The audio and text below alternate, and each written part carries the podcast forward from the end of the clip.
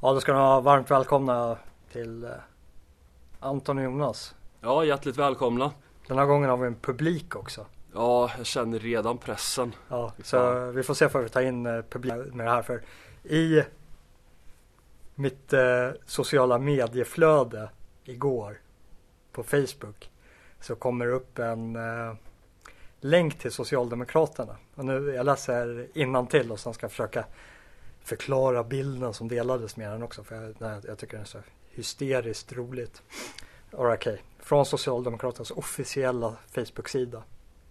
Texten lyder. Vi gick till val på fria arbetskläder inom äldreomsorgen. Punkt, punkt, punkt. Och nu kan vi infria det.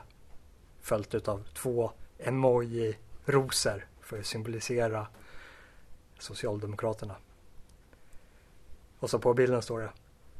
Nu blir det fria arbetskläder inom äldreomsorgen. Det kom vi överens om i januariavtalet. Är det här vad politiken har hamnat till? Har vi nått ett nytt lågvattenmärke inom svensk politik? Var det inte någon som skrev i kommentarsfältet att det redan var fria arbetskläder? Ja, det, jag har aldrig varit med om att du kommer till en statlig arbetsplats, alltså eh, inom den offentliga sjukvården och sjuksystrarna eller sjukvården eller läkarna måste betala sina egna arbetskläder.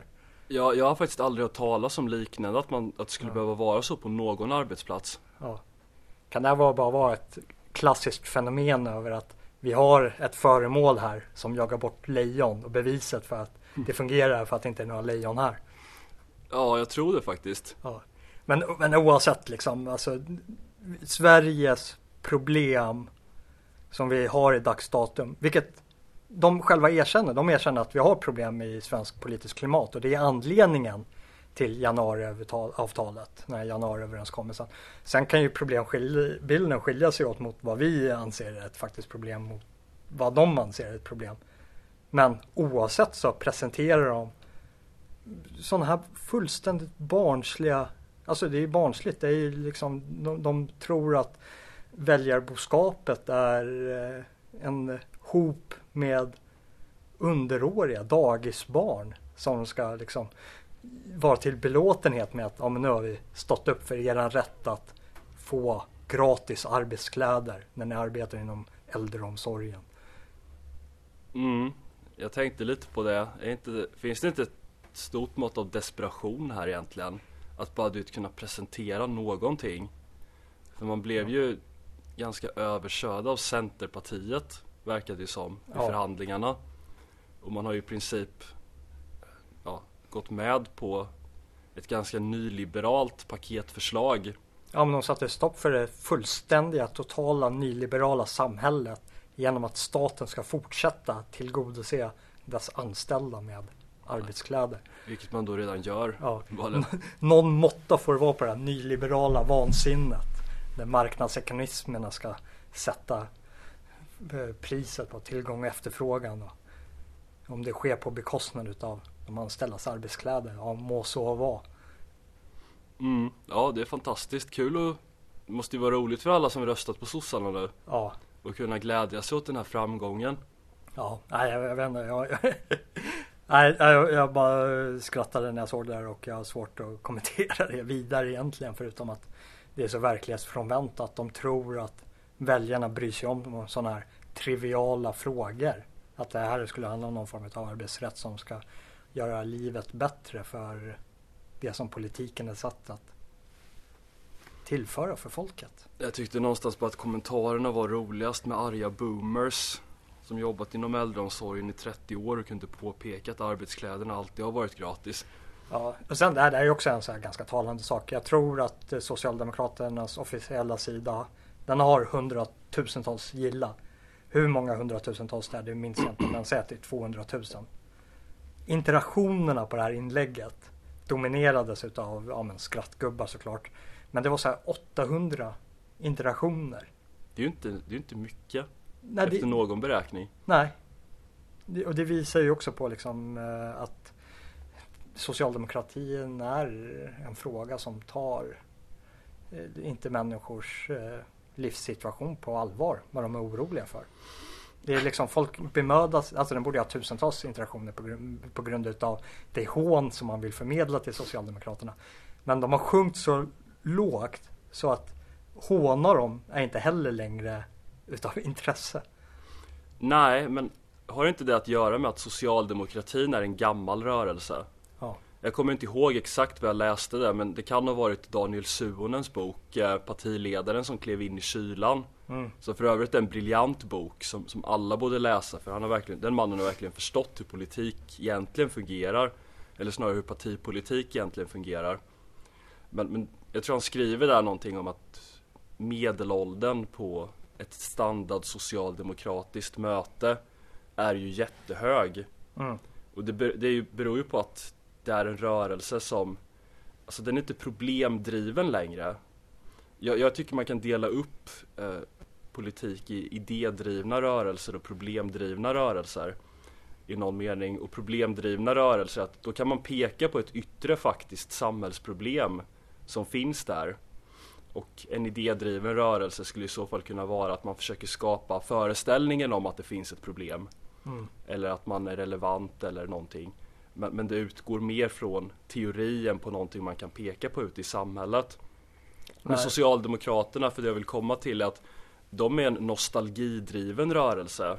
Att de, hela rörelsen går på ångorna av vad man har uträttat tidigare under 1900-talet.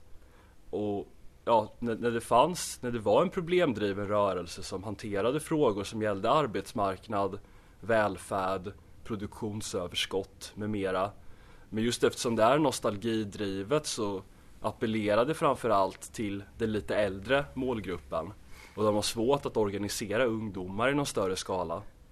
Ja, man ser, jag tycker man ser det när man ser eh, när man eh, tillsätter regeringen också att det finns ett eh, kompetensbortfall att man inte lyckats få in nya tunga förmågor som kan ta vid där. Liksom kollar man på socialdemokratin på kanske ja, men efter Palmes tid och eh, de personer som verkade i den miljön varav jag har träffat en del själv också. Det finns ett, en kompetens över dem. Även fast jag inte håller med dem i överhuvudtaget över deras problemfrågeställningar och lösningarna på dem. Så kan jag ändå liksom säga att om det här är en kompetent människa som har huvudet på, liksom, på skaft i den bemärkelse som man kan säga att någon har utan att för den delen skulle komma till rätt, eh, rätt slutsats eller rätt, eh, rätt ingång på problemen som man har.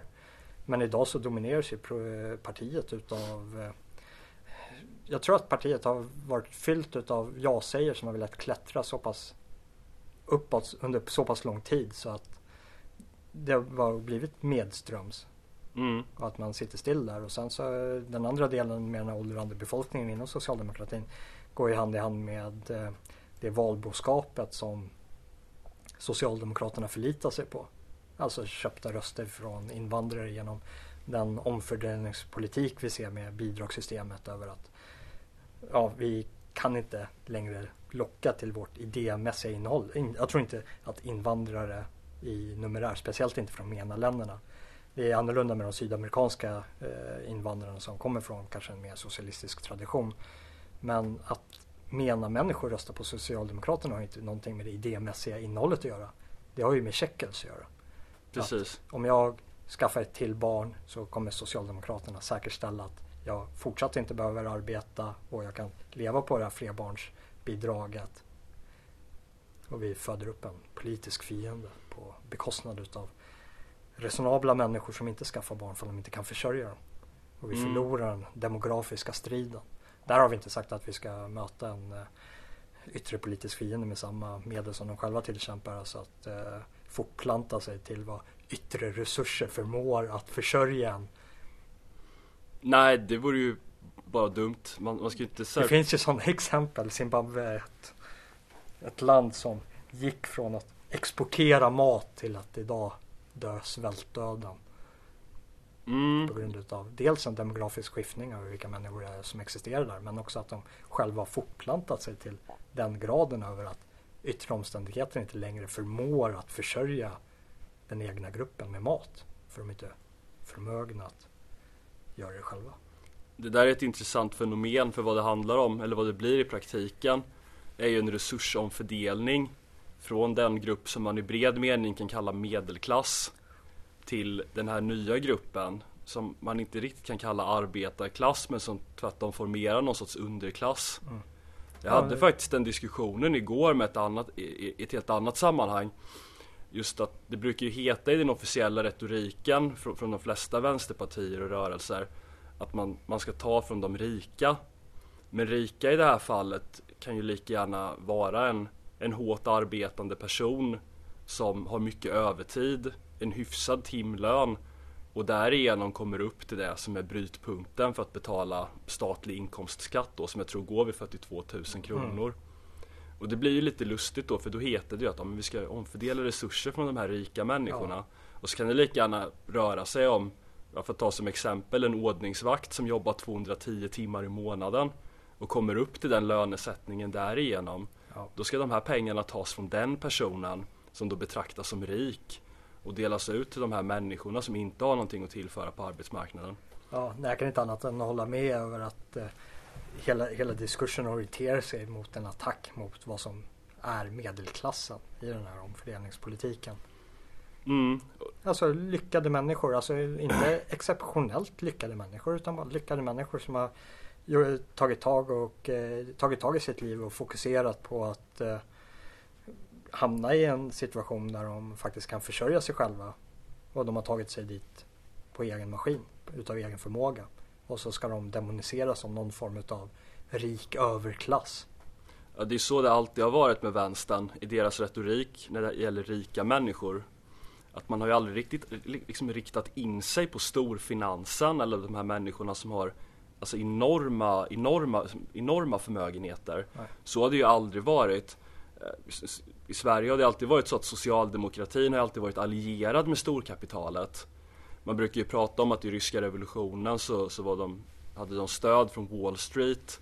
Mm. Och när de riktade in sig på socialgrupper i, ja, inom Ryssland då så var det framförallt kulakerna som blev hatobjektet. Och ja. de var ju inte heller rika egentligen enligt någon definition utan de var ju bara självägande bönder. Ja. Och i dagens samhälle är det ju inte heller rika människor, alltså folk som har miljoner, eller som har tjänat sina miljoner eller sina miljarder.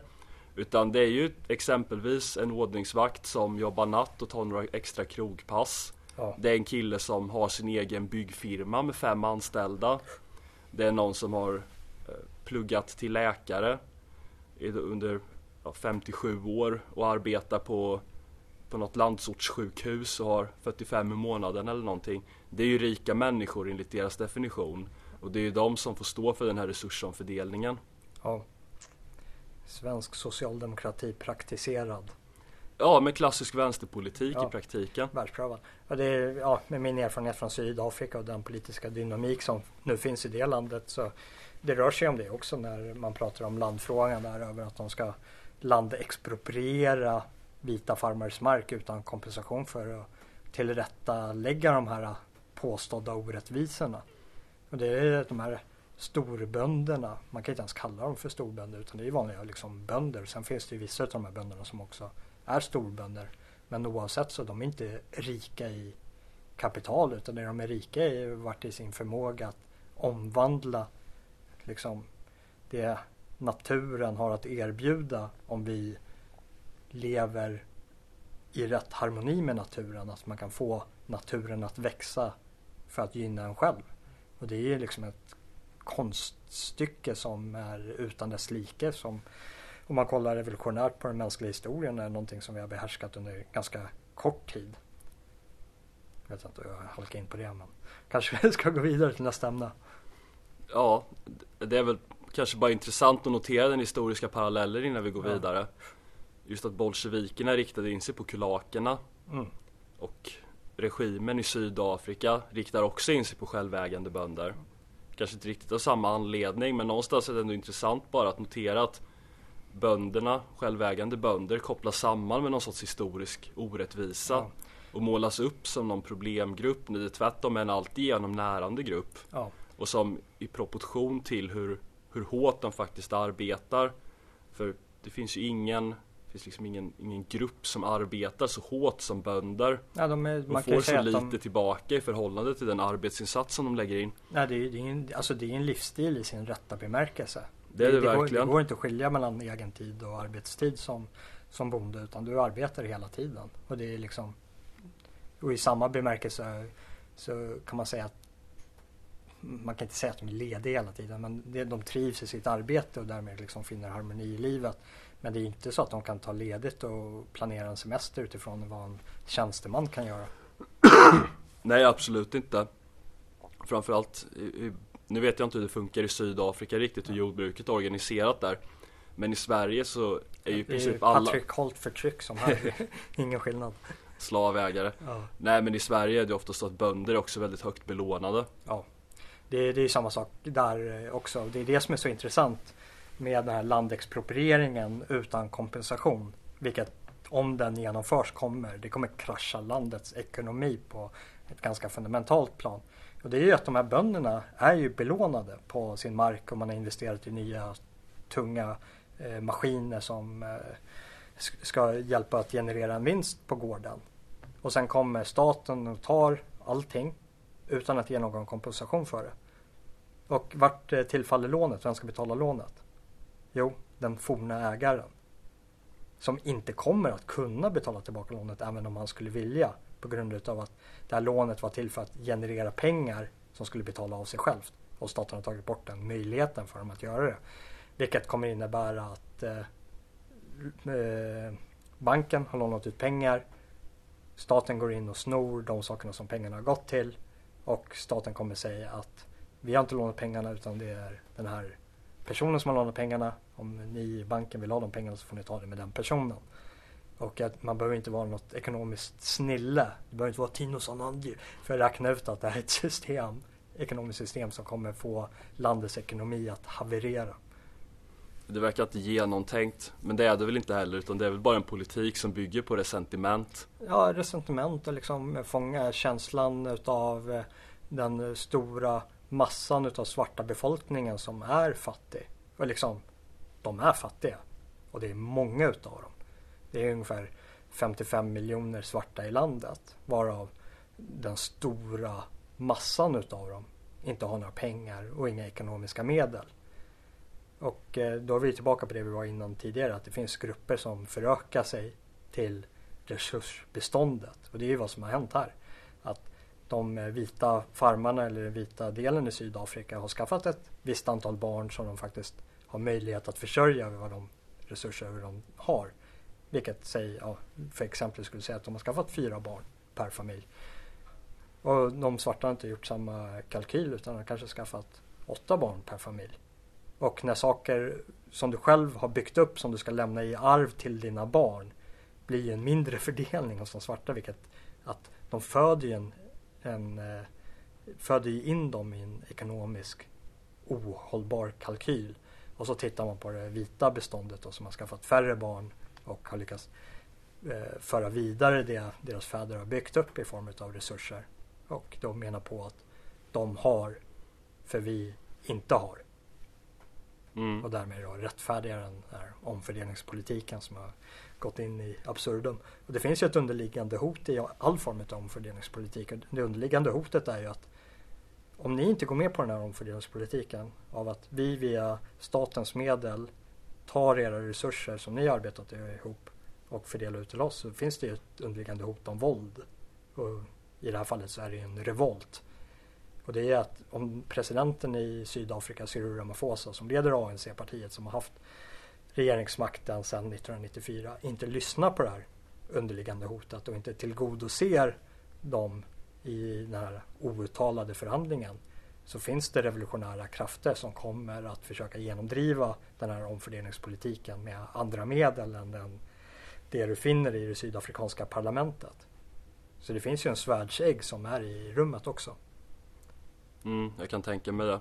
Det finns mycket internt tryck där. Ja, verkligen, verkligen. Så det är ju, Cyril Ramaphosa har ju en självbevarelsedrift att tillgodose den här mobben. Det de vill ha. Och det de vill ha är eh, vit, vit mark. Och vitt blod viss, till viss del. Mm. uppmuntrande. Ja, ska vi, ska vi lämna det som en cliffhanger? Fortsättning följer. Ja, precis. Sydafrikas spår. Och socialdemokratins kris. Ja, Det skulle man kunna prata om nästan varje vecka. ja, faktiskt. Den är ju aldrig sinande. Ständigt pågående. Ja. Breaking Bad. Precis. Jag jag har en känsla av att du är en person som eh, inte kollar på tv-serier överhuvudtaget. Eh, nej, jag, jag har kollat på de tv-serier jag har kollat på kan nog räknas på, på ena handen. Eh, jag tror den absolut senaste är den här populariserade Games of Thrones. Precis. Eh, vilket har haft ett uppehåll i några år eller? Snart två år. Ja, det var den senaste jag kollade på. Jag kom- kommer väl ta upp den stafettpinnen säkert när den kommer ut igen. Mm. Bara för att vara traditionen vana. Den är ganska bra faktiskt. Jag, jag har alltid gillat den. Även Ja. ifall eh, jag har vissa synpunkter på hur, hur de som producerar tv-serien Du, du håller ju på fel lag i den där serien. Vet du ens vilket lag jag håller ja, på? du håller på den där blonda bruden. Nej, det har jag faktiskt inte gjort. Jag kommer inte ihåg vilket, Nej. nej det har jag faktiskt inte gjort. Det finns eh, skriftliga belägg för det. Ja, Okej, ja. ja. Jag måste gå tillbaka till källan och kolla. Okej, Ja. ja. Nej, jag hade väl fel i den gissningen. Ja, tyvärr. Ja, Jag har alltid varit kritisk mot henne för att hon är en vänsteraktivist. ah, okej, inte för att hon är kvinna. Jag ser inte kön. Jag ser bara kompetens. Ja. Ja, men det är viktigt att äh, patriarkala förtrycket liksom fortsätts förmedlas även inom populärkulturen. Så man inte lurar ungdomen till vad de kan ta sig an. Mm, det gör de nog här Ja. faktiskt. Ja, hon, är ju, hon har ju blivit oerhört populär. Ska vi prata om Game of Thrones istället eller? Nej, jag, är- jag är inte preppad för det. Visserligen är jag inte preppad för Breaking Bad heller, för jag har inte sett den. Men... Eh, du, du, du skrev ju visserligen en essä om Games of Thrones. jag har skrivit många essäer om den. Ja, Jag har skrivit eh, en ganska lång grej om just Daenerys Targaryen då som är den här blonda bruden. ja för, för grejen är, hon är ju lite så här social justice warrior. Hon är Alltså, absolut en social justice warrior. Ja, och eh, jag tycker att hon blir så här typ en fånig arketyp utav det. Att de försöker ta den här, det är ingen historisk eh, gestaltning den här serien. Även fast den tar sig uttryck i det. Utan eh, Eh, för att det ska vara en riktig historisk eh, gestaltning så behöver den ha historiska arketyper. Och historiska arketyper per definition är ju sådana som har överlevt över tid. Och sådana här människor som Social Justice Warrior är ju bara liksom ett tidsfenomen för vår tidsanda. Och det är den tidsandan som reflekteras in i vad som förkläds till att vara en historisk gestalt. Det är väl det som gör henne intressant och värd att lyfta ut som karaktär. För i grunden så är Game of Thrones, eller A Song of Ice and Fire som böckerna egentligen heter, eh, eller som själva bokserien heter, en ganska reaktionär berättelse. Det, det kanske man inte riktigt tänkte på, eh, det kanske man inte riktigt tänker nu, men så var det från början. För någonting man ska ha klart för sig är att nästan alla karaktärerna i boken som är viktiga har någon form av reaktionära motiv för vad de gör. Att eh, det kan gälla någon, eh, det kan gälla någon, någon släkt och allting är uppdelat i ätter där. Det finns ju en underliggande elitism i berättelsen i meningen att den bara skildrar överklassen. Mm. Det finns liksom inget underifrån perspektiv. Det liksom skildrar inte någon, någon bonde som, eh, och, och, och, som håller på med någonting och vad de gör utan alla karaktärer, alla goda och dåliga är, tillhör överklassen, tillhör den, den härskande klassen. Det är väl det som gör den lite mänsklig också. Alltså en, inte klassperspektivet men att eh, det här goda och onda. Det, det är inte så klarstruket som det kanske är i Star Wars. Att du har en sida som porträtteras som god i alla fall och en sida som porträtteras som ond. Utan alla karaktärer i sig självt är ganska mänskliga med eh, Det håller jag verkligen med om och jag är väldigt tilltalad av den typen av berättelser. Och jag vet att många på högerkanten inte är det. Ja, det är ju för att vi, vi arbetar ju efter ideal, alltså det ouppnåeliga. Och eh, många utav så gamla hjältearketyper är ju en sammanstrålning utav egenskaper till någonting som nästan per definition är ouppnåeligt. Alltså även fast man tar ja, men Beowulf eller Jesus för man nu ska nämna de två i samma. Fast Beowulf är ju en väldigt, eh, Alltså det han gjorde är ju... han är ju väldigt ja, Ja, men- det han gjorde är önskvärt och eh, det, det är uppnåeligt att sträva efter. Men han som person är ju en... Fast han är ju en flåd person. Han är ju en bristfällig. Jo, jo, men han är, Han är ju fortfarande en, mänsklig. Jo, men han är ju en på miljonen. Alltså, Jo, det- men jag, det- jag tror vi inte ta- pratar om lite olika Ja. saker här. För det jag pratar om är ju inte, jag pratar ju inte om deras förmågor. Nej. Utan jag pratar ju om deras moraliska karaktär. Att många på höger, jag vet det var någon som höll något tal på något identitär idé. Eh, och så sa han att, eh, ska försöka komma ihåg här men eh, Usch för att kolla på Game of Thrones. Det är ju så dåligt, alla karaktärer där är ju så dåliga och hemska. Mm. Man borde ju läsa Shakespeare istället. Men det är ju exakt samma sak. Mm. Det är ju samma typ av berättelser. Ja, För Shakespeare- Shakespeare. Alltså det finns ju en, man brukar ju prata, det finns en uppdelning här mellan berättelser som bygger på dualism. Mm. Och där är det ofta så att antingen är man ond eller så är man god. Det, är liksom, det finns liksom inga, det finns ingen dubbeltydlighet i karaktären Aragorn till exempel. Han är genuint god liksom. Mm. Och det finns liksom ingen dubbeltydighet i Sauron. Det finns liksom inget bra i den karaktären. Han, han är ond liksom, han vill förslava världen och så vidare. Och sen kontra det finns det en, en annan kategori som kallas för komplexitet. Som innebär att en karaktär kan ha både bra sidor och dåliga sidor. Och det är exakt så det är i Shakespeare. Att karaktärerna har lite av varje liksom. De kan vara bra i en viss situation. De kan vara sämre i en annan situation. De kan börja bra och sen går det ut för för dem. Exempelvis Macbeth. Han är en sån karaktär Mm. som är god från början. Men sen degenererar och vilket leder till hans fall. Eller så kan det ju vara motsatsen att en karaktär börjar på ett dåligt sätt. Men går mot någon slags moralisk förlösning. Där de faktiskt kan inse felen de har gjort och bättra sig. Så det bygger ju upp för en helt annan typ av vuxna berättelser och det är väl det jag men, det är väl det jag tycker är positivt.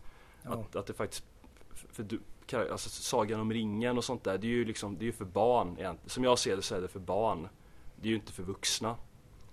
Ja, nej, nej, jag håller med dig. Speciellt med den där eh, duplexiteten hos, eh, hos individerna. Det är, ju- det är ju det som gör vissa karaktärer så oerhört intressanta.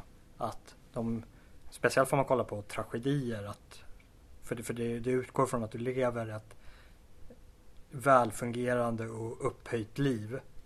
För liksom, om du inte kan falla så är det ju per definition inte en tragedi. För då är du redan på botten och liksom, det finns inget, liksom, du kan inte komma längre ner.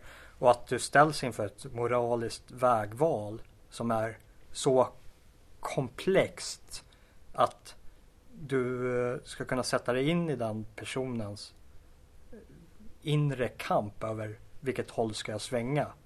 Och sen kan berättelsen inte förtä- berättelsen behöver inte förtälja huruvida det moraliska vägvalet är rätt eller fel. Nej, exakt. För, för det, det liksom... Det finns ett, finns ett jättebra exempel på det från, eh, från Iskalus eh, Agamemnon. Ja, Att eh, det, som, det som bildar bakgrunden till själva handlingen i, i den trilogin, jag kan inte ens uttala namnet på den så jag ska inte försöka, men den första delen i trilogin heter Agamemnon i alla fall. Och det, det går ut på att eh, Agamemnon var och krigade i Troja tillsammans med, med sin här och alla andra grekiska stadsstater.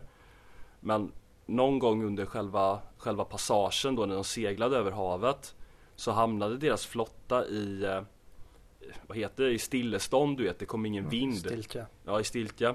Så de kunde inte segla vidare. Och för att komma vidare så var, eh, så var Agamemnon tvungen att blidka Poseidon på något sätt. Och det sättet var att offra sin dotter Mm. till den guden. Mm. Det, var ju, det var innan de åkte. Ja, det, det, var, det var under själva, när de var ute på havet. Ja. När de skulle till Troja. Så antingen hade han valet att låta armén försmäkta på havet. Eller offra sin dotter. Mm. Och komma fram Ja, för, precis. för evig seger liksom. Ja, precis. Och det är, det är någonstans Ja, jag vet, jag är säker på att folk har väldigt starka uppfattningar om vad som skulle vara det rätta eller det felaktiga. Men någonstans är det ändå tillräckligt komplext för att bilda ett dilemma. Mm. Att vad, vad, är, vad är det självklara valet i det här? Att offra hela armén och låta dem försmäkta till, ha, till havs? Eller offra sin dotter? Och sen leder det ju vidare till en, en serie av andra event som slutar med att Agamemnon dör Mm. på grund av att hans, hans hustru börjar hata honom så mycket efter att han offrat deras gemensamma barn. Att hon dödar honom eh, när han sitter i sitt badkar. Mm.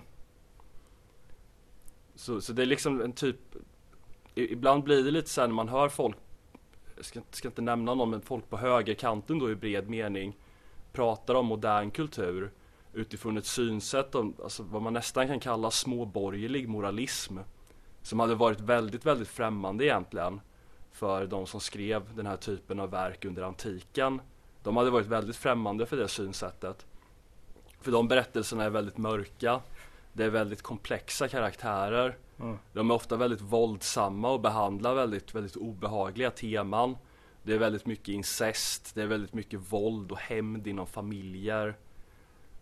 Poängen är väl någonstans att de kan behandla de grundläggande för, för att om du vill överhuvudtaget vill kunna säga någonting meningsfullt om livet och samhället, om tro, om, om liksom moraliskt komplexa problem då måste du gå bortom den här horisonten av att allting är så enkelt som att karaktärerna är endimensionella. Det, det blir jättesvårt att behandla livets stora frågor på ett meningsfullt sätt om alla karaktärer är ensidigt goda eller ensidigt onda. Du, du kommer liksom inte förbi den horisonten då. Nej, jag kan inte annat än hålla med. Men, men det som jag skulle komma till för typ 15 minuter sedan innan vi kom in på det här sidospåret om Daenerys Targaryen. Det är att hon, eh, hennes karaktär skär sig i förhållande till de andra karaktärerna. För de andra karaktärerna drivs av helt andra motiv. Vad, vad jag skulle liksom klumpa ihop under paraplytermen reaktionära motiv. Att det är folk som Ja men de vill hämnas någon gammal oförrätt som har mm. begåtts mot någon familjemedlem. Oberyn Martell är en sån karaktär som figurerar. Robert Baratheon som också var en viktig karaktär hade den typen av motiv. Eller så handlar det om att eh, det man upplever som ens, eh, som ens land, som ens eh, birthright är ockuperat av en annan makt som man upplever som en inkräktare som kommer någon annanstans ifrån och som inte har rätt till den marken. Vilket leder till inbördeskrig. Det, det, är, det, det är väl liksom själva stommen i, i manuskriptet där. Och allting annat blir som sidospår som följer den, den tråden. Ja det, det är stommen, reaktionära motiv. Att ja. man, man vill ha tillbaka sin födslorätt. Antingen om det är ett land eller en krona eller någonting. Man vill hämnas någon oförrätt som någon har begått inom, inom släkten eller någonting i den stilen. Alltså det är väldigt mycket blod och jord när det kommer till karaktärer. Eller så kan det vara karaktärer som vill bevisa sig själva, som upplever att de har hamnat i någon form av underläge och vill, vill jobba sig uppåt i världen och bevisa sitt värde. Men Daenerys Targaryen skiljer sig på det sättet eftersom hon drar igång någon sorts liberal kampanj för att, för att befria slavar då. Vilket är lite muppigt för det är liksom ingen annan karaktär som, som tänker på det sättet. Och som, som vill eftersträva någon sorts frihet, jämlikhet, broderskapsideologi. De flesta karaktärer är inte ideologiska överhuvudtaget efter, eh, efter vad vi vet om liksom, ja, tänker om moderna ideologier. Pra pragmatiska efter, utifrån ett maktbegärsperspektiv. Sen kan man ju tänka så här också att hon är ju på något sätt arketypen av en vit kvinna mm. som kommer utifrån och eh, skakar om den reaktionära samhällsordningen på en kontinent som är modellerad efter Asien i bred mening. Så hon kommer där du vet som en vit frälsare in i tredje världen och ska befria de bruna massorna eh, på ett sätt som de inte kan göra själva. Det så det finns något kolonialt över det där. Det, det, det, vänstern kan aldrig göra någonting utan att kränka sig själva. Nej. Jag kommer, för, för att knyta igen till början av samtalsämnet, där, socialdemokratin. har Stefan Löfven tillsatt den här kulturministern med eh, rastafari frisyr. Just det. Och vänstern själva har ju börjat äta upp sig själv genom att rikta kritik mot henne. Att det här är minsann kulturell appropriering och ifrågasätta huruvida det är rätt eller inte. Och det finns lite sånt perspektiv där också som när, när du trycker det med att den här tredje världen i Games of Thrones är i ett sånt utsatt läge. Till exempel med den här slavstaden och det krävs att den här vita europeen som kommer utifrån måste ställa saker och ting till rätta och bringa ljus till tillvaron. Mm, det är ju en kamp som är omöjlig att vinna. Ja. För först var det ju så att ja, men Daenerys Targaryen hon är ju så här feministikon och en stark kvinna hon frigör sig från de här männen som hon varit beroende ja. av. Och, och sen, sen kom liksom nästa dimension på det hela. Bara, men vänta nu, hon är ju en vit kvinna som rider in där på sin vita häst och ska befria de bruna människorna. Ja. Det är ju klockrent eh, kolonialt förtryck och speglar idéer om vit överhöghet. Ja, det, är, det är underbart att sitta på åhörarläktaren och iaktta. Mm, det är en strid de aldrig någonsin kan vinna. Ja. Eh, ska, ska, vi, ska vi lämna där och eh, bege oss iväg på Ska, ska iväg och eh, stödja svensk proteströrelse i Stockholm. Just det, Mynttorget va? Ja, det börjar om fem minuter så vi måste packa ihop och bege oss. Ja, då tackar vi för den här gången. Tills nästa gång. Ja, tack så mycket. Eh, vi hann tyvärr inte ta några frågor från publiken men vi får kanske ta det till nästa avsnitt. Och eh, det gäller även er som, ni, som lyssnar. Har ni någon reflektion eller vill att vi ska ta upp någonting så lämna en kommentar i kommentarsfältet så kikar vi på det. Om det är inom vårt kompetensområde.